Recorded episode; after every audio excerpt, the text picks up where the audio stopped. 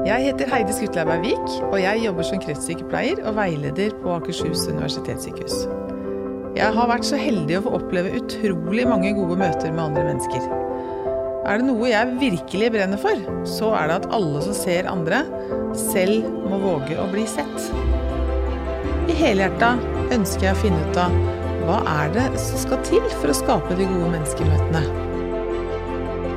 I denne episoden har jeg besøk av Magne Rygg. Han er vernepleier, familieterapeut og forfatter. Han jobber i forebyggende avdeling for barn og unge i Ullensaker kommune. Magne er en ildsjel både på jobb og i fritiden. Kjell og Inger har to felles barn. Gro på seks år og Knut på to år. Inger har en lengre periode slitt noe med egen psykisk helse og er hjemmeværende.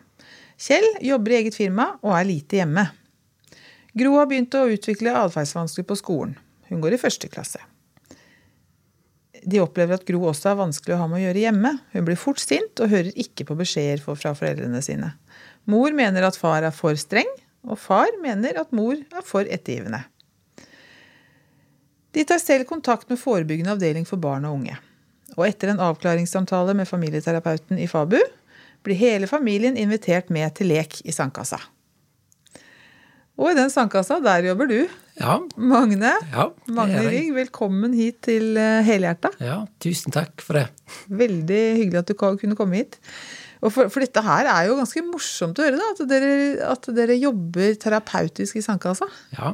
Fortell litt om det. Ja, det kan jeg gjøre. Det er en del, en del av det jeg gjør når jeg er på, på jobb. Og den, eh, det som du beskriver her, kan jo være en sånn typisk eh, familie. For det er ofte foreldre som tar kontakt med oss. Og da kan det være forskjellig strev i familien med, med barn som strever, og foreldre som ikke helt vet hvordan de skal møte dette her, og at de ja, kanskje tenker litt forskjellig og litt ulikt og er litt uenige. Og så tenker jeg at da kan det hende at det kan være nyttig. og så og så komme og snakke om det. Og, og, klart det med sandkasse er kanskje litt spesielt. Det er ikke så mange plasser at man kanskje har ei sandkasse inni. Men det, jeg er veldig opptatt av at um, det å kunne møte barn litt sånn på en uh, inkluderende måte, og liksom da de kan føle seg litt på heimebane. Og klart, barn og leik, det henger nå tett i hop.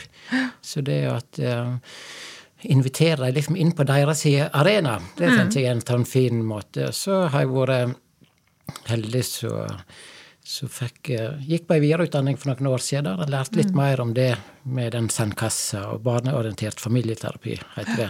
Det er det så, man kaller for BOF? Ja. Det, mm. Mm. Så, så, det har jeg eh, gjort en del av, og det tenker jeg er en, en veldig fin måte å, å, møte barn og familier på. Ja. Kanskje litt uvant for en del, spesielt ja. for de voksne. Ja. Mm. Skal høre litt mer om, for det, det er ganske spennende hva dere gjør. Hva, mm. Og hva dere gjorde med Kjell og Inger også. Mm.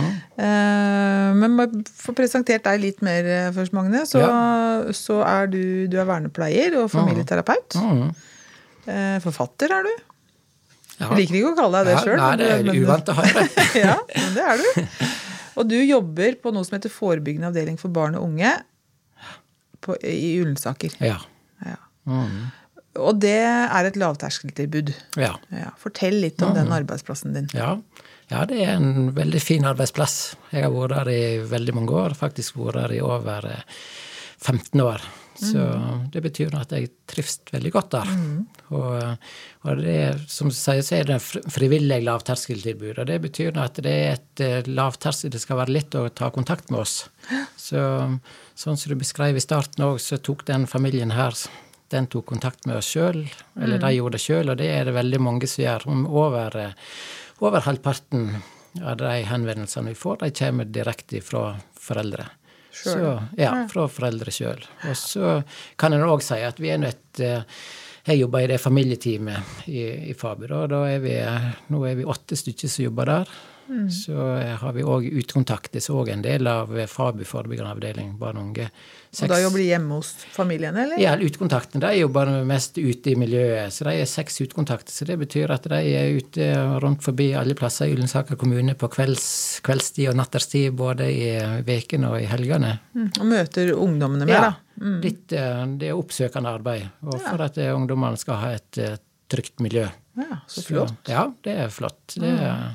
Så har vi òg et, eh, er to ungdomshus, eller sånn aktivitetshus for ungdom, kan en kalle det. Et på Kløfta og et på Jessheim, der uh, ungdommer kan komme på ettermiddagstid og kunne være i lag med trygge voksne og kunne kjøpe seg litt mat og spille biljard og være med på forskjellige grupper. Så vi, vi fevner den ganske vidt. Målgruppa vår er nå fra 0 til 18 år, så det betyr at vi har ei stor målgruppe. Mm. Men da, da fanger dere opp Eh, ganske tidlig, da. Eh, veldig mange ungdommer som, som sliter både med seg sjøl og, og, hjemme, liksom. Er det sånn at eh, Ser dere at det hjelper i forhold til hvor mange som kanskje eventuelt ellers måtte ha vært på BUP eller mm. ja, barnevern? eller? tenker absolutt at det målet, målet er å komme så tidlig eh, inn som mulig. Jeg tenker at det er mange, mange familier som kanskje har behov for eh, noe hjelp eller støtte ganske tidlig, men de vet liksom ikke helt hva som finnes.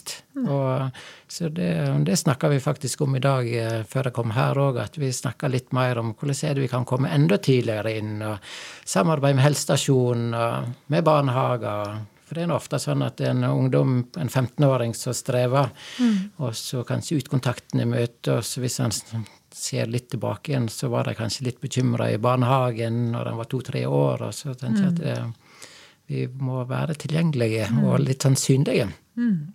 Så det, det, er viktig for oss. Mm. Men hvordan veit foreldrene om dere? Er det, får de informasjon fra helsestasjonen, eller? Ja, det kan, um, der kan han få vite om oss. Vi mm. samarbeider nå tett med dem, og de vet om oss. Mange kommunale tjenester som vi samarbeider med, de vet noe om oss. Og, og skolene vet, uh, vet noe om oss. Og, mm og barnehage. Vi prøver å gjøre oss litt kjent. Vi må nå drive litt sånn utadretta virksomhet og gjøre oss litt kjent. For det, Ullensaker kommune er nå en kjempestor kommune som vokser veldig fort. Og veldig stor tilflytning. Og, ja. Så det er klart det er mange som, som ikke veit hva som finnes. Så ja. vi har absolutt en jobb å gjøre. Og mm. det å, med nettsider og det å kunne Det er ofte der der å finne informasjon. Så, mm. så, der prøver vi å mm. synliggjøre litt hva vi, hva vi driver på med, hva vi kan tilby. da. Mm. Mm. Men sånn før vi slipper den sandkassa, da. Ja. Det, er mye, det, er mye, vi skal snakke ja, om. Men jeg, det tenker, men jeg tenker barneorientert familieterapi, og det handler jo om tilnærming via kreativitet og lek. Mm. Eh, sånn at man møter barnet der barnet er, liksom. Eh, hvis vi går liksom litt sånn tilbake til eh, Kjell og Inger, da. Mm. Eh, blir eh, Kjell og Inger med i Sandkassa, da? Ja. leker. Hvordan gjør dere det sånn, og hva er det dere hvordan, Hvorfor jobber dere i den sandkassa? Ja, ja, men det kan jeg prøve å fortelle litt om. Og først kan jeg bare si at jeg er i forhold til det med leik og i sandkassa, så er jeg veldig opptatt av hva er det som skjer mellom folk. Hva er det som skjer eh, mellom barn og foreldre. Og det er ofte det som kan være nøkkelen Mm. Og, um, og, sånn som du sa i starten òg, med litt sånn atferdssvensker. Hva er det? Hva er det? Hvordan skal vi forstå det? Man kan jo tenke òg at eh, atferd er en invitasjon da, til oss voksne til å forstå litt mer. Mm. Så, så, litt sånn enkelt eh, Eller enkelt forklart, det vet jeg ikke om det blir, men med den sandkassa, den, vi har den inni, da. Mm. Og at eh, den er vel ja, en knapp meter lang og litt over en halv meter brei. Så det betyr at det er plass til litt figurer og forskjellige ting. Så vi har et skåp fullt av menneskefigurer og dyr og gjerde og hus. Og, ja. Så litt sånn, hvis man skal kalle det en litt sånn typisk eh, grunnoppskrift. Da. Så kan det være at, uh, at barnet har bygd opp sitt område da, i mm. en enden av, uh, av sandkassa, der han uh, setter opp et gjerde rundt og plukker ut figurer som han skal ha, og så et hus og kanskje noen dyr og en katt og hva det måtte være. Mm. Og så kan foreldre eller en pappa kan lage sitt område der han tar med seg sine figurer, og så kan jeg ha mitt område. Og ja. så, så det har vært deres hjørne? Ja, vi har på en måte litt av hvert uh, vårt hjørne. Så, så, så, det som er vanlig Den, uh, den første, første, møtet jeg har, så er ofte jeg alene i lag med det barnet. Og det er nå litt for at foreldre kan uh, se litt hva dette her er for noe. Og, for jeg kan jo være litt sånn litt sånn stressa for hva, hva er dette som er oppi ei sandkasse og skal leke, og så, så, kan jeg vise litt hvordan han kan gjøre det. Og det, det som er viktig med det, er ikke at jeg skal vise hvordan han skal gjøre det riktig, men at han liksom finner ut hva er det som kan oppstå i en leik. Og da Reglene er nå litt sånn at, at på, på barnet sitt område, da, da bestemmer barnet her, her, og da må man banke på og si 'kom inn', og så har, så har jeg mitt område, da. Så der, ja. der er det jeg som bestemmer, og så, og så kan jeg komme på besøk til hverandre, og så har vi et sånt fellesområde Ute, I, midten, liksom? i, I, midten, ja. Helt riktig. Mm. I midten der. Og da, eh, da, kan det hende at vi må bli enige om hvordan vi skal gjøre det der. Om vi skal lage en lekeplass eller noen butikker, så må vi bli enige om det. Borettslagsmøte, rett og slett? Ja. ja. Og det, nei, så, det, så det tenker jeg at da, da setter en litt sånn uh, i gang og så mm. ser vi hva som utspeiler seg liksom, i den leiken. Men ser dere da, ser dere da etter atferden hvilket mønster barna har på reaksjoner og sånn, da? Eller om det er bestemmende, eller om det er ettergivende, eller? Ja, jeg tenker det er mange ting som kan dukke opp i den mm. sandkassa. Og, og, at jeg kan, eh, hvis vi heller med det at jeg starter, da, så kan jeg ja, det kan jo være et enormt stort tempo. Kanskje noen liksom hopper over gjerdet og rett inn og ikke banker på. Kanskje det blir korte møter. Vi skal inn og drikke litt kaffe inne i huset, og så blir det veldig korte møter. Hva handler det om? Og, det å, og hvordan man blir enige om hvordan vi gjør det når vi skal bli enige om ting. Mm. Så at det er litt sånn Det dukker opp. Og det, og det som Og så kan foreldre etter, For vanligvis så er, var det en sånn ja, kan, Den måten å jobbe på kanskje at vi møtes en seks til ti ganger. Og så, ja. og så, er det foreldre òg som leker sammen med barnet. Og så, og så ser vi alt blir tatt opp på video. Ja. Så, og det som er litt det som er ganske fascinerende, er at uh, mange foreldre kan si at ja, men det er akkurat sånn det er, sånn det er hjemme. liksom, At uh, hører ikke på, vil ikke høre på oss, eller godtar ikke helt de grensene. Mm. og litt sånn At det er så mye uro, og ja. liksom, får ikke til de møtene. Men, men hvordan, hvordan, griper du det an hvis du etter åtte-ti ganger ser at dette barnet prøver å bestemme over alle? Mm. Naboene sine og fellesområdet og mm. alt, og vil ja. ikke høre. Hvordan, hva gjør du? Gir du barnet motstand i sandkassa, da, eller hva, hvordan gjør du det? Ja.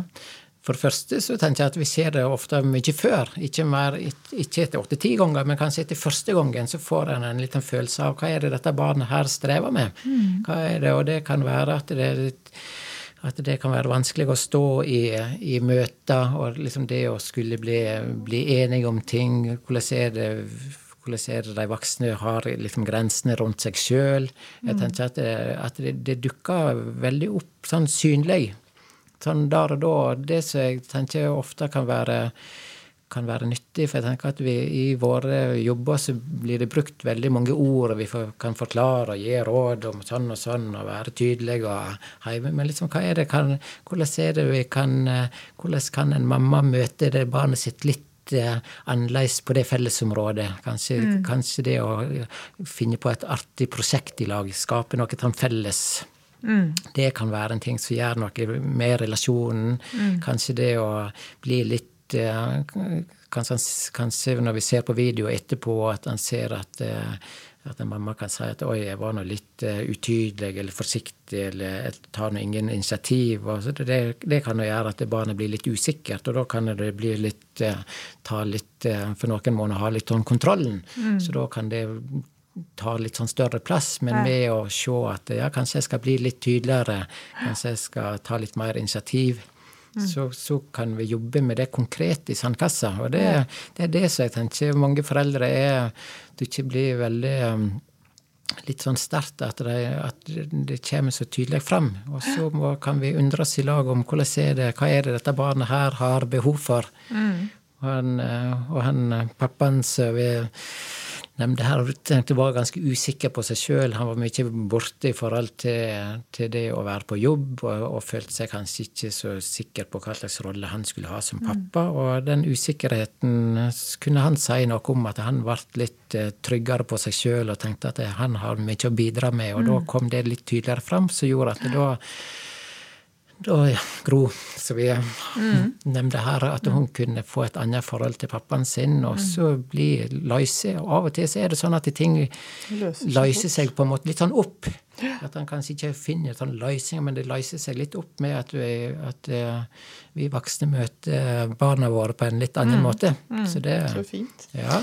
Um, fordi, og så er det, for, Sånn jobber dere i barne, eller i sandkassene. Og så, er det, og så har dere en annen variant som dere bruker på litt større barn, sånn 11-12-åringer. Det er noe som heter teiping. Ja, det er mange ja. forskjellige rare ord, da. Ja. Så, men det er egentlig et um, Det handler rett og slett om at den som vi ansetter Martin Soltvedt, en psykolog som jobba med dette for ganske lenge siden, og så fant han ut at liksom det å teipe opp, rett og slett bruke teip, og liksom uh, synliggjøre litt sånn noen rammer rundt om det er et hus eller et rom, og så Teipe figurer? Ja, eller teipe området, kan det være. Jeg, jeg bruker ofte den sandkassa til det til det, til det, samme, på en måte, at han kan bruke sandkasser. Det kan òg være et sånn fin ramme. Men eh, med mm. typing så handler det kanskje mer, litt mindre om det samspillet, men det handler noe om at en, en del barn og ungdommer og, og, voksne kan ha vanskelig for å sette ord på ting. Og så mm. kan det òg være mye enklere å vise det. å kunne kunne liksom vise hvordan er dette eh, her. Hvordan kjennes det ut å stå litt midt mellom eh, mamma og pappa som kanskje har blitt skilt, og er det plass til mm. meg i den nye familien? Og, ja. og, og det å kunne liksom sette opp at eh, her, her, står jeg, og så da er det den familien. Og det, hadde, det er ikke så lenge siden han gutten var vel eh, elleve år, så, så, så kom i lag med mammaen sin, og så var vi på det sandkasserommet, og så starta vi litt og snakket litt, og så tok han sjøl litt sånn initiativ til å vise hvordan det var. Så da plukka han ut eh, mamma sin familie og nye, mm. nye medlemmene i den familien, og pappa sin. Og da var det kommet et nytt barn, og han var litt usikker på det. Var pappa mm. mer glad i det nye barnet enn han? Ja. Og han så setter han, han, det liksom konkret opp i, eh, opp i sandkassa, hvor han, han, følte at han sto i forhold til dette her. Og det tenker jeg er en sånn fin Det å flytte litt ut ifra seg sjøl, altså mm. ned og vise, så kan det være fint. Og da kan vi snakke om det på en litt annen måte, kanskje. Og hva er det mm. ønsker han å komme litt nærmere? Hva som skjer hvis han kommer nærmere den familien? Føler han at det blir for langt borte fra mamma sin familie? Og så plutselig så kan det åpne seg noen nye muligheter. Ja. Og det tenker jeg ofte er, er, litt fint å få være med på òg. Mm. Mm. mm. Det er ganske store ting, egentlig. Tenk på sånn sosialisering man må tåle når det er mine, dine og våre barn. Mm. Når, du, når, du, sier det på denne måten her, mm. så er det liksom man, ja, man kan begynne å tenke. Mm. Um, hva ser dere mest hos barn Altså hva er liksom Hva er det uttrykk for mest hos barn når det er atferdsvansker, eller at, at de har, har, det vanskelig? At barna har det vanskelig? Er det noe sånt som gjenganger? Er det noe vi ja. gjør feil, ganske mange av oss? Eller kunne gjort på en annen måte, eller? Å gjøre ting på andre måter kan vi nok sikkert gjøre, alle. Og så, så tenker jeg nok at eh, Ja, det med at eh, foreldre som tar kontakt med oss, at de eh, de kan oppleve at de er bekymra for barna som strever, at det kan være. Og da kan det være forskjellige følelser. Sinne kan være en følelse som ofte kan eh, komme til uttrykk som gjør at det blir litt uro. Mm. Om det er hjemme, eller om det er på skolen eller i barnehagen. Mm. Eller, og at de strever med det. Noen kan òg streve det med å være engstelige. At de mm. er litt engstelige barn. Og det å kunne det med venner, og føle seg ensom, tenker jeg òg er ganske vanlig. Mm. At, eh, at, foreldre ser at barn, eh, barn strever med. Og det kan òg være sånn som, du, sånn som vi snakker om når eh, når foreldre har gått ifra hverandre, så er det mange foreldre òg Alle foreldre er opptatt av at de skal gjøre det best mulig for barna sine. Og så hvordan skal de få til det? For da kan det være mm. mange ting som kan være vanskelig å snakke om når de har gått ifra hverandre. Hvordan er det for, eh, hvordan er det for barna deres? Hvordan skal de gjøre det? De vet at barna er lojale. Hvordan skal vi mm. møte dem? Kanskje? Mm. Og, og det er noe det er nå ofte henvendelser som vi kan òg få, mm. med at eh, barn som strever litt i det de står i. Mm. Ungdommer kan òg være Det er mye press i dette samfunnet her om å være vellykka på mange, mange områder, så en kan kjenne at det er på sosiale medier eller karakterer eller se bra ut og være veltrent og god form. Og, det, og det kan føre til at en føler seg ikke så mislykka sjølbilde, strever med det, og det kan jo gi seg uttrykk på mange forskjellige måter. Ja. Og, så Det, har du inntrykk av at foreldre er sånn generelt altså Alle vil jo barna sine det aller beste, men er vi nok på plass for barna våre? Tror du det? Eller er det så mye krav til oss som foreldre også rundt omkring at, at man Er vi der, liksom? Ja. Det er, det er, mange krav. Jeg tenker Det er vanskelig å være foreldre. Det er en vanskelig jobb vi har, å være mm. foreldre. Og jeg tenker at det er mange forventninger. Og han kan òg tenke at det er kanskje det er for masse i dette informasjonssamfunnet hvordan vi skal mm. være som foreldre. og Vi kan google og vi kan finne råd, og det er alt mulig. Hvordan skal vi stole på at vi, at vi sjøl er bra nok, og hvordan er det vi kan eh, kjenne at vi kan eh, få brukt det sjøl. Så jeg tenker at det å det å kunne møte For snakker, vi snakker nå òg mye med foreldre i, i familieteamet. Og, mm. og, at det kan være mange som tenker at de ikke får det til. Og at når, når barn strever, der egne barn strever, så tar de fort uh, skylda på seg sjøl, at de har svikta dem. Eller, så, men så tenker jeg at det å det handler nok om å kunne møte dem i det. Møte dem i den fortvilelsen, og kanskje ikke nødvendigvis Eller tenker ofte ikke komme med så mye råd eller tanker, men litt om det å kunne reflektere litt rundt det. Hva slags mm. rolle er det en ønsker å ha? Hvordan er det en kan eh, forstå mm. dette barnet på en litt annen måte? Kanskje få noen nye ideer. Ja. Kanskje. Mm. Um, du har jo tre barn sjøl. Ja. Nå er den blitt voksne, ja, alle sammen. Det går rasende fort. ja, det gjør det. Men du, har, har, du brukt mye altså Greier du å, å, omsette alle denne kunnskapen? Har du brukt dette sjøl? Har du lekt i sandkassa med ja. barna dine? Ja, det er, På denne måten? Ikke på denne måten, eh, akkurat på den måten. Men, jeg, men, det som er veldig viktig for meg, det er nå at, eh, at i møte med de jeg møter på jobben da, med de familiene, de barna, de ungdommene og foreldre, så har nå jeg med meg hele mitt, hele mitt liv. Repertoaret. Ja, og jeg tenker at det, i det så er det nå min egen barndom og oppvekst og mm. I den søskenflokken som jeg vokste vokst opp i, og så er jeg så heldig at jeg har blitt pappa til tre, tre barn. Mm. Og det er et privilegium i seg sjøl, så jeg tenker at det er veldig flott, og jeg har mye erfaring i forhold til Ja, nå er de mm.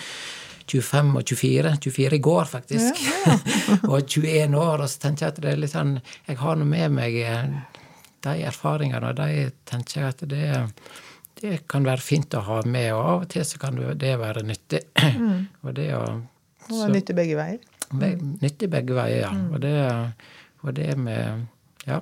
Det er sånn fordi, fordi, jeg tenker det i forhold til jobben din, da, som, som uh, Altså det å møte mennesker da, i jobben sin Mm. Det er jo eh, Vi har jo snakka om dette før, at eh, det, vi har med oss noen erfaringer, og så har vi med oss noe både faglig og, og livserfar egen livserfaring mm. i møte med de vi møter. Mm. Men samtidig så Det er jo ikke bare det. Det handler jo også om hvilket syn vi har. altså Hva er, hva er sannheten vår, da? ikke sant? Ja. Og vi er veldig enige om, veit jeg fra før, om at vi, vi, må passe oss for å ha for mye sannheter om andre mennesker. Ja. Det å være liksom nysgjerrig da, mm. og undrende. Og det, det er jeg er veldig opptatt av i forhold til det med kommunikasjon. Mm. Um, men det du, Og jeg, jeg, snakker ofte om denne her eh, ryggsekken vi har med oss, uh, med erfaringer som vi bærer med oss. på en måte. Mm. Men så, så satt vi og snakka om den her en dag, og så sier du noe om den ryggsekken. Ja. Som jo ga Plutselig så ble det ja. enda en ny mening med den ryggsekken. Ja, ja. Si litt om det. Ja. Nei, og det, det tenker jeg òg, at det å ha den, eh, den ryggsekken med, med, alle, med alle det levde livet våre, og mm. med erfaringene våre fra det private liv, og, og, det vi har lært på skole, og så, og så er det litt sånn hvor hen den sekken skal være, da. Jeg tenker mm. at det, skal vi få til gode menneskemøter som jeg er veldig opptatt av, så er det viktig at den sekken er på, på ryggen og ikke på magen. Ja. Utrolig bra sagt. At, eh, og at det er ikke det vi skal Det er ikke det hvis jeg har mine erfaringer med mine egne unger, eller mine teorier, eller hva jeg har tro på, eller om det er sandkasse, eller hva det måtte være. Hvis det er liksom det jeg møter med alt det, så tenker jeg at det tror jeg kan lukke igjen og stenge for det som er viktig. Ja. Og at det er noe med å møte meg, og så kan en så tenker jeg at av og til så kan det være da nyttig å kunne, om det er en personlig erfaring eller historie som han tenker kanskje kan passe inn, eller så kan gi noe mening for noen andre, mm. så kan han ta det fram. Mm. Men, eh, men, jeg tenker at det òg i den familieterapien som jeg har eh, fått glede og fått mye med meg derifra, så tenker jeg det handler nettopp om det å ha et litt sånn bevisst forhold til at vi, vi har vår uh, egen historie med oss, og det preger oss på veldig mange måter. Og det preger oss òg kanskje i måten hva er det vi blir opptatt av. Hvorfor mm. I en samtale så er det noe utrolig mange temaer som kan dukke opp, og hva er det som gjør at jeg blir opptatt av det, og ikke noe andre, andre ting, f.eks. Det kan mm. handle mye om meg sjøl. Mm. Så det å ha et litt sånn uh, Så du er liksom obs på det? At ikke, du, at ikke du fører for mye av samtalene? Jeg, jeg prøve å ha det litt langt framme i hodet. Og jeg tenker, tenker det òg Hvis jeg kan klare jeg tenker det med menneskemøte, eller det òg Hvis jeg kan klare å lage noen rammer som blir trygge nok eh, trygge nok til å gi en litt sånn mening til at folk kan snakke om det som de er opptatt av, mm. så tenker jeg at da det, det, tror jeg er grådig, grådig viktig. Mm. Hva er det som skal til for at de skal bli trygge nok, tror du? Tenker du? Ja, det Hvordan skaper du tillit? Ja, det er Jeg tenkte at det er, det er Vi mennesker er nå så utrolig forskjellige, og det er mm. alle de barna du treffer, og jeg mm. treffer i jobbene våre, men litt sånn hva er det som skal til? Jeg tenker litt eh, hvis jeg tenker på de henvendelsene, eller de som kommer til oss, eh, så kan det være en, eh, en familie som, som, henvender seg, og det er en, eh, et barn som de tenker kan være fint å prate med meg eller noen andre i familieteamet. Så bruker jeg ofte å invitere inn familien, foreldre og det barnet. Og, og da tenker jeg at det at jeg kan, eh, kan, forberede dem på at det er helt greit at det barnet kommer, det trenger ikke å si noe som helst. Jeg kan bare sitte og ha litt på, så kan jeg fortelle litt om meg sjøl, fortelle litt om denne jobben min, hva jeg driver på med, andre barn og ungdommer som jeg snakker med. Mm. Det å, og det tenker jeg at det å lage noen trygge rammer, så kan jeg Det er et frivillig tilbud, dette det her vi har, så jeg kan uh, bruke òg ofte å spørre at sier at de kan uh, at nå har de truffet meg en gang, så kanskje de kan gå hjem igjen, og så kan de snakke litt om det, og så kan jeg, eh, kan jeg ringe til mamma eller pappa, og så kan jeg høre hva de har tenkt. For klart, hvis jeg spør en elleveåring som liksom, hadde lyst til å prate med meg liksom, på første samtalen, ja. så skal det veldig godt gjøres å si nei, for det, da kan de tenke at da blir jeg skuffa, eller har ikke lyst til å prate med meg. Men liksom, det å gi dem den friheten og den tilliten, tenker jeg. at Når du mm. sier det med tillit, så tenker jeg at det, det møtet, hvordan han kan skape det, gjør det litt, uh, gjør det litt trygt. Ja, jeg, så bra.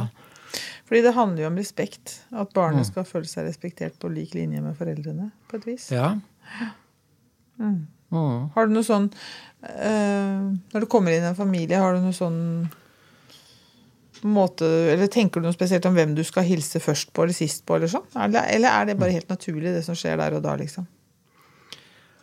Ofte er det litt naturlig. Vi har noen fine rom som vi kan bruke på mm. arbeid som er litt Du kan velge litt. Så da ofte så bruker jeg å la de få velge sjøl først, før jeg setter meg ned.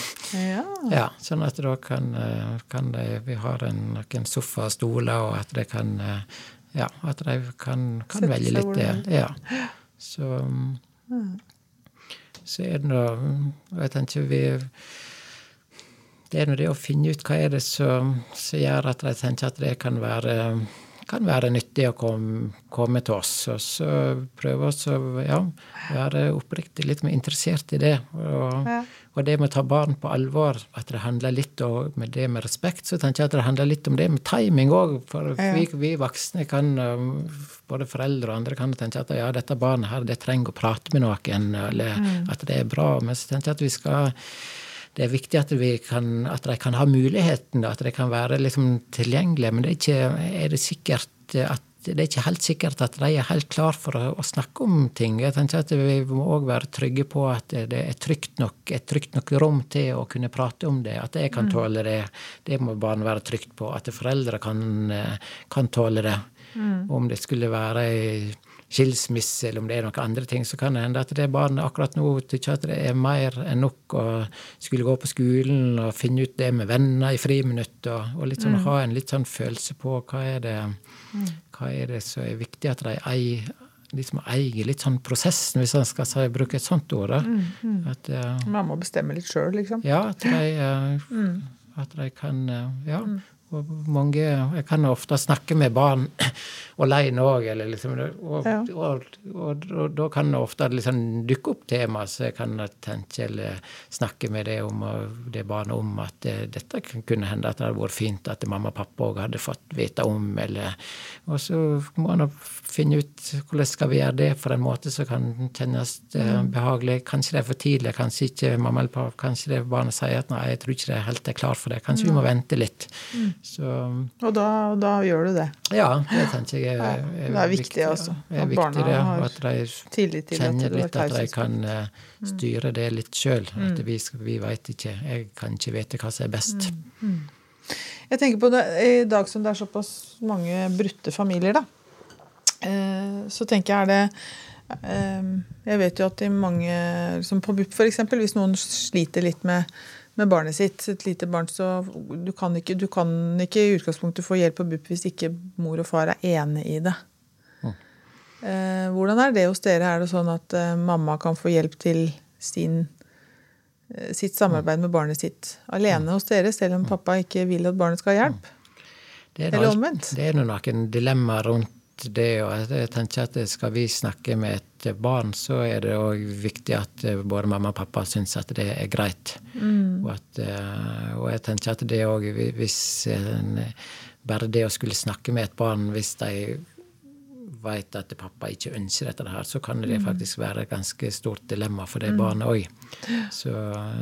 Men vi har erfart det. Vi er nå et ja, et frivillig lavterskeltilbud. Vi har noe erfaring med at, eh, at, eh, at eh, når de får en opplevelse at vi vil dem vel, og vi vil dem det beste, sånn, og at mm. vi får en dialog med foreldre, så, så bruker det, og vi finner en løsning på det. Mm. Det, er jo, det, er jo, bra. For det jeg tenker da, veldig ofte når sånn inntrykk jeg har, at når, når, man sliter, eller når barna sliter, så, og, og, man trenger hjelp, så er veldig mange foreldre redd for at eh, å ja, så kommer vi dit, da, til familieteamet. Ja, da er det vel veldig kort vei til barnevernet, og barnevernet er farlig. ikke sant?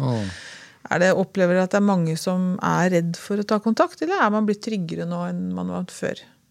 På å få hjelp til barna sine?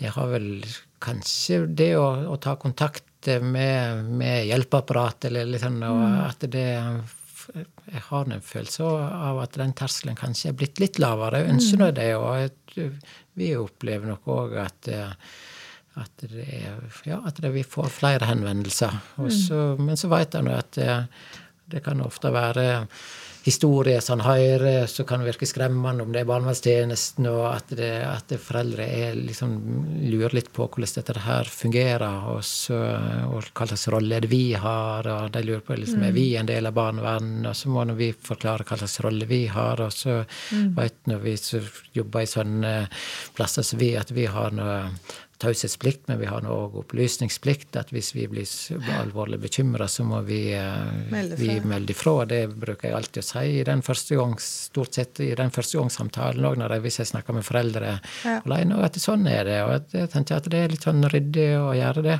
Og så ja. Vi samarbeider med veldig mange. Vi jobber ikke bare for oss sjøl, men vi samarbeider om det er med en kontaktlærer eller med en helsesykepleier, eller om det er BUP eller mm. barnevernstjenesten. at vi så mm. det med taushetsplikt i forhold til samarbeid, det opplever jeg veldig lite problematisk. For jeg opplever at jeg har foreldre og tillit til oss, at vi vil det vel, så kan vi få til et samarbeid med, med, med veldig mange. Og det tror jeg er veldig hensiktsmessig òg. Mm. Mm. mm. Så bra. Det er godt å høre. For, for det, er mange, det er jo mange aleneforeldre der ute. Det er sikkert ja. godt for mange å få, Få lufta, lufta litt Mm. sammen med noen som kan litt om det. Mm. Mm. Em, jeg må jo si det da, Magne, at uh, du bor jo i uh, den bygda som jeg bor i. Ja. Mm.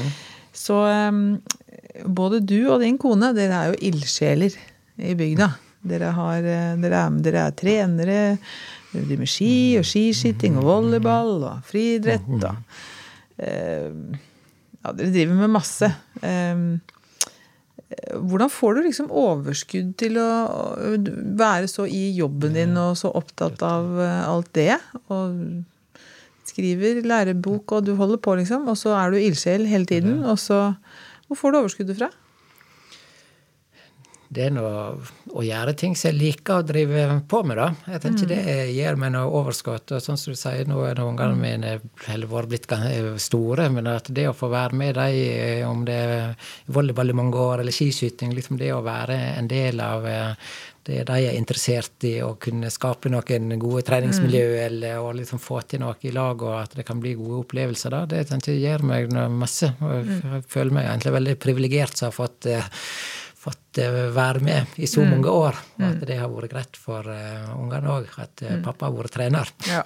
Så ellers er det noe Du har lada batteriene mens du holder på? Ja, det er litt, Litt og sånn det tenker jeg ofte og kanskje litt sånn med, med den jobben jeg har òg, at, at det er så mange fine møter, møter så mange kloke barn, og, Ja. og litt sånn at det gir, gir meg eh, vi mye, det. I, i, går, I går så Vi har eh, vi, vi driver med litt forskjellige ting, så vi har nå òg noen foreldregrupper, en sånn Trygghetssirkelen.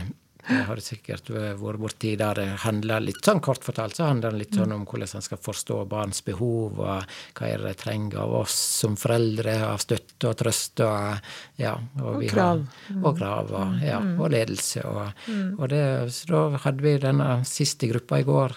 Ja. Eh, Og da snakka jeg, og så da sa jeg at da skulle jeg inn her i dag, og så sa jeg at jeg, kan jeg bare fortelle litt om det, og det tykte jeg var helt greit, men at det er veldig liksom, så kloke, reflekterte foreldre som liksom, så opplever, og litt sånn det å kunne kanskje forstå ting litt annerledes, og kanskje ikke at de har lært så mye nytt, men at de tenker litt annerledes om hvordan de kan møte barna, hva den klenginga betyr, og, og at de er åpne og ærlige på hva de har opplevd seg i sin egen barndom. Hvordan ble de sjøl møtt i forhold til det med noen vanskelige følelser, kanskje med sinne. Og hvis du ikke har blitt møtt på det når du var barn, hvordan er det å være mamma eller pappa da, og den uroa det skaper, og kunne snakke om det. Så det er utrolig flott å få være en del av det, altså. Så det, det kjenner jeg virkelig at det, det får jeg eh, Får du energi? får jeg litt sånn energi. Altså. Men så liker jeg nå jeg liker å være litt i aktivitet og kunne trene litt og gå litt på ski og sykle og litt sånn, så, sånne ting. Og, og har med familie og venner. Så, så jeg tenker at det, det handler nok om, om mange ting. Og det å bli hva som hva han får litt en påfyll av. Ja. Ja. Mm. Mm. Um, I forbindelse med det, så er det jo du, er jo også, du har jo også tid til det. skulle jeg si. Det er ikke det at det kanskje er det du gjør så mye, men du er jo også med i kriseteam i bygda. Ja. Uh, eller Ullensaker Ullensaker er du i kriseteamet. Um, og vi skal, jeg tenkte vi skulle snakke litt mer om hva Du har vært der i ti år. Men um, du har fortalt at for noen år siden så var du i en egen personlig krise. Mm. Um, fortell litt om det, Magne. For da møtte du veggen litt. Ja, Ja. Det, og det er en del år, år tilbake enn nå. Det handler nok om forskjellige ting. Og så kan en tenke om litt sånn nå i etterkant. Hva, hva var det som skjedde? Jeg, jeg tenker nok eh, for det første er erfaring med at, eh, at det er ganske små marginer i livet. Fra det ene til det andre. Og at jeg eh, kunne kunne oppleve å se på meg sjøl Dette var litt før jeg var 40 år. Kunne oppleve å se på meg sjøl som en eh, ganske velfungerende pappa, en bra ektefelle og en eh, bra arbeidstaker. Og litt sånn at eh, ting fungerte bra. Og til at det litt sånn plutselig ikke gjorde ting som jeg eh, mestra før, gjorde jeg eh, absolutt eh, ikke. At mange ting liksom rakna litt. Og, at, eh, og at jeg kunne òg og kjenne litt på, på det med angst og få en liten følelse av hva er det det, hvordan kan det komme til uttrykk, og hvor sterkt og hvor smertefullt det var. det, det var ja. Og at, eh, og at det at det var Ja, på en måte så var det både Det var smertefullt, og det var skremmende. Og så var jeg veldig heldig så har en, en trygg, stabil familie rundt mm. meg, og at jeg har vi har et nettverk som er bra. Mm. og Du hadde mange å lene deg på? Det kunne lene meg på. Men samtidig så kunne jeg nok òg kjenne på at når han akkurat sto oppi det, så kunne han føle seg ganske ensom mm. i det. Og, mm. så er det ikke litt sånn at når man er i den verste, den mørkeste fasen mm. av et sånt fall, da, mm. Eh, så slipper man ikke inn noen heller? Nei. Og hva er det som hjelper? Det, og, det, og, jeg kunne ikke være på arbeid. Det, det, merker, eller det visste jeg bare, så jeg var nok ja. sjukmeldt en uh, halvt års tid før jeg litt sånn òg gradvis uh, kom jeg, eh, kom jeg liksom tilbake igjen. Og så, så, tenkte jeg på når vi snakker om eh, menneskemøte, det er mm. liksom hvor viktig det er, og, og kanskje spesielt når, eh, når jeg tenker vi var nå, Jeg var i en sårbar situasjon, vi som mm. familie var det.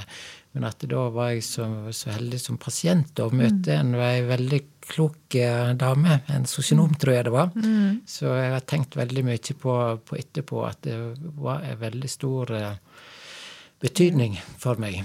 Ja. Det, hva, var, hva, var, det hun gjorde? Ja, det, det, Hva var det hun gjorde? Jeg tenker at hun uh, hun eh, var, ga meg ingen oppgave. Hun ga ikke meg noen råd om at jeg gjør sånn, ja, men du må tenke sånn, eller gjør sånn, eller absolutt ingenting. Men det som jeg husker veldig godt at hun uh, gjorde, en av de tingene hun gjorde, var at hun tegna opp ei sånn tidslinje liksom mm. på et ark framfor og så Da var hun 38-39 år, og så liksom tegna liksom opp, opp livet litt sånn mitt, og så snakka vi litt sånn om at det sannsynligvis, når jeg ser tilbake på dette her, så kommer dette her til å være en ganske kort, kort periode på dette hele lange livet. Og, og, jeg tenker at det, det er med å et eller annet at hun formidler noe håp om ja. at, liksom, at, dette skal ikke vare. For midt i det så føler han at dette varer resten av livet, men at jeg fikk et håp om at dette kan bli annerledes, og at hun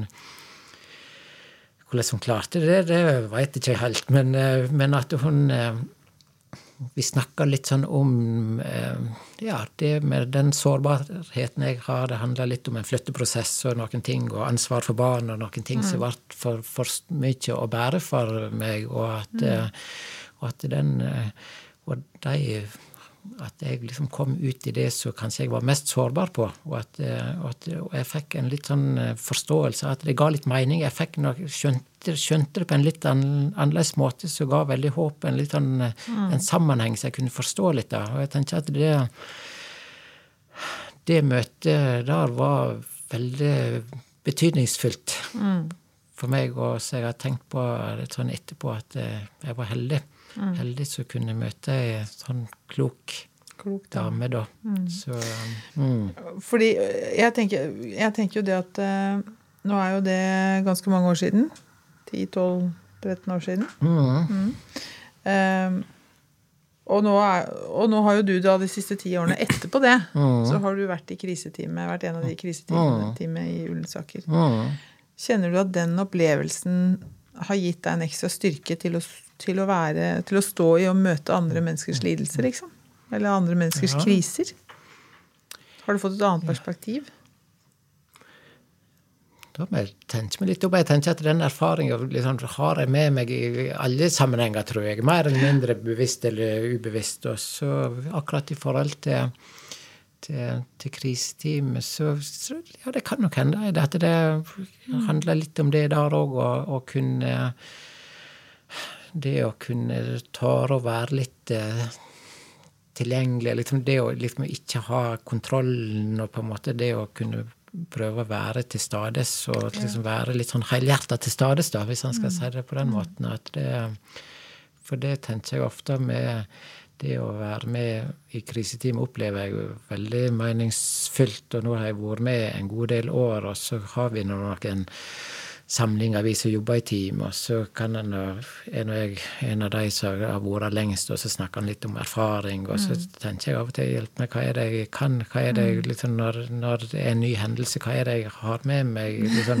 Kan jeg kan, kan jeg egentlig dette her? Og blir litt sånn, eh, men jeg tror kanskje at det noe handler om å, å, å, å tåre å være tilgjengelig og tåre å bli, være usikker.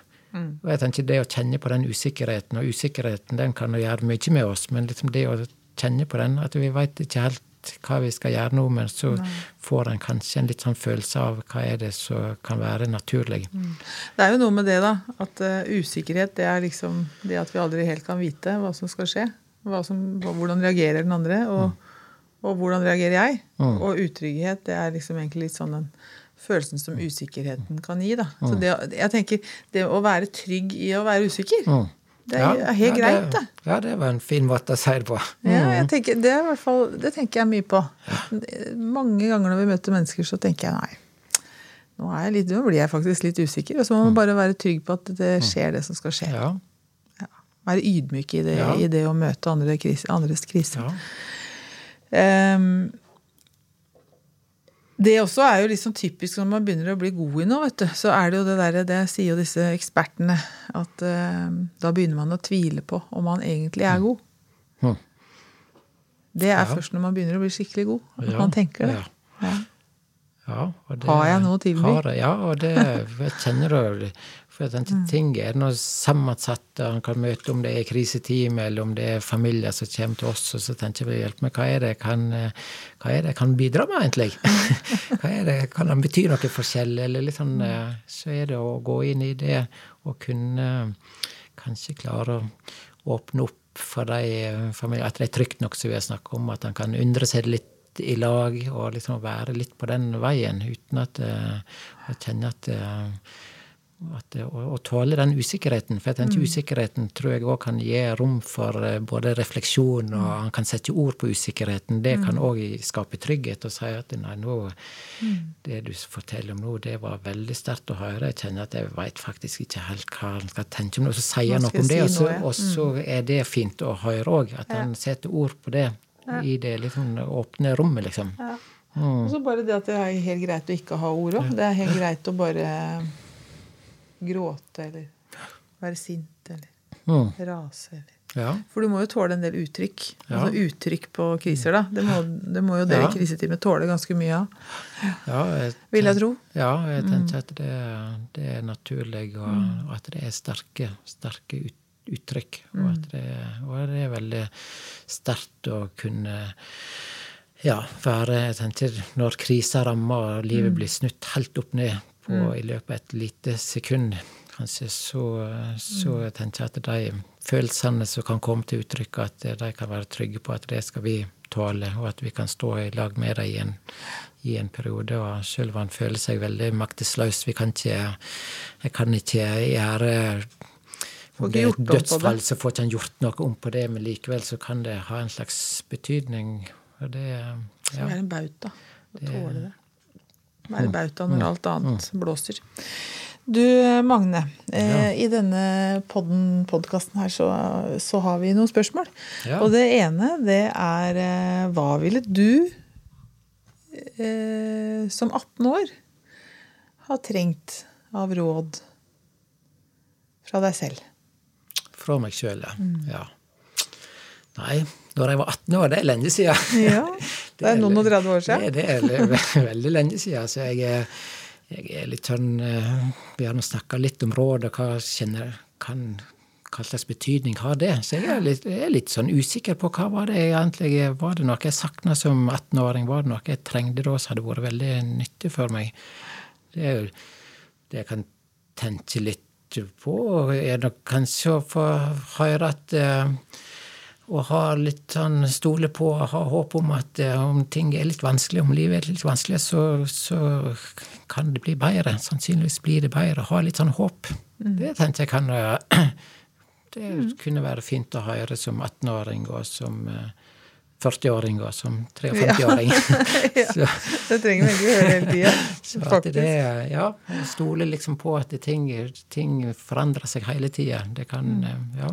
Det kan bli Det bedre. Det kan, selv om man står i ting og ikke aner hva man skal gjøre, om det er valg eller om det er andre ting, så, så kan ting legge seg litt til rette og slappe av litt og stole på den prosessen. Mm. Kanskje det. Det var godt sagt. Stole på prosessen, faktisk. Mm. Hvis du skulle gitt en liten sånn uh, hilsen til lytterne der ute fra deg, som familieterapeut i familie... Forebyggende avdeling for barn og unge. Ja, jeg vil tro at det er sikkert en del foreldre som kanskje hører på oss nå. Så jeg tenker at det, det er ei, ei jente som jeg snakka med for eh, ganske mange år siden.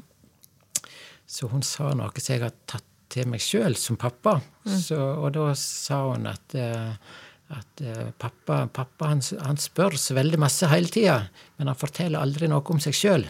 Nei. Og det har jeg tenkt på. Jeg tenkte at det er så klokt sagt. For jeg tenker at det er kanskje oss foreldre, det ligger mye omsorg i det, men at vi spør veldig masse. og Hvordan jeg har vært på skolen og i barnehagen. og liksom Vi spør og spør, men liksom det å fortelle om oss sjøl, og, og den tok jeg med meg sjøl, det å fortelle litt om hvordan jeg eh, hadde det Ja. på jobb i dag, eller hvordan, hvordan var det for meg når jeg var, var liten. og liksom det Og, Så det å kanskje, kanskje fortelle litt Fortelle litt mer om eh, livet ditt som mamma eller som pappa. At det gjør noe med relasjonen. Vi blir litt bedre kjente. Det blir noe annet. Det blir en slags mer Litt den gjensidigheten. Gjensidighet, Så kanskje det kan være noe som noen lyttere kan tenke at ja, kanskje det. Mm. Kjempefint. Magne, tusen hjertelig takk for at du kom på besøk. Eh, Kjempe, kjempefint å snakke med deg og høre om det arbeidet dere driver med. Tusen takk for at jeg fikk komme. Det var veldig flott å være her. Kjempehyggelig.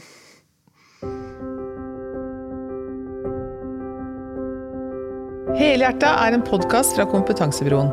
En digital plattform for samhandling og kompetansedeling i helsetjenesten. Personer som blir omtalt i pasienthistorier, er enten anonymisert eller har gitt samtykke til deling.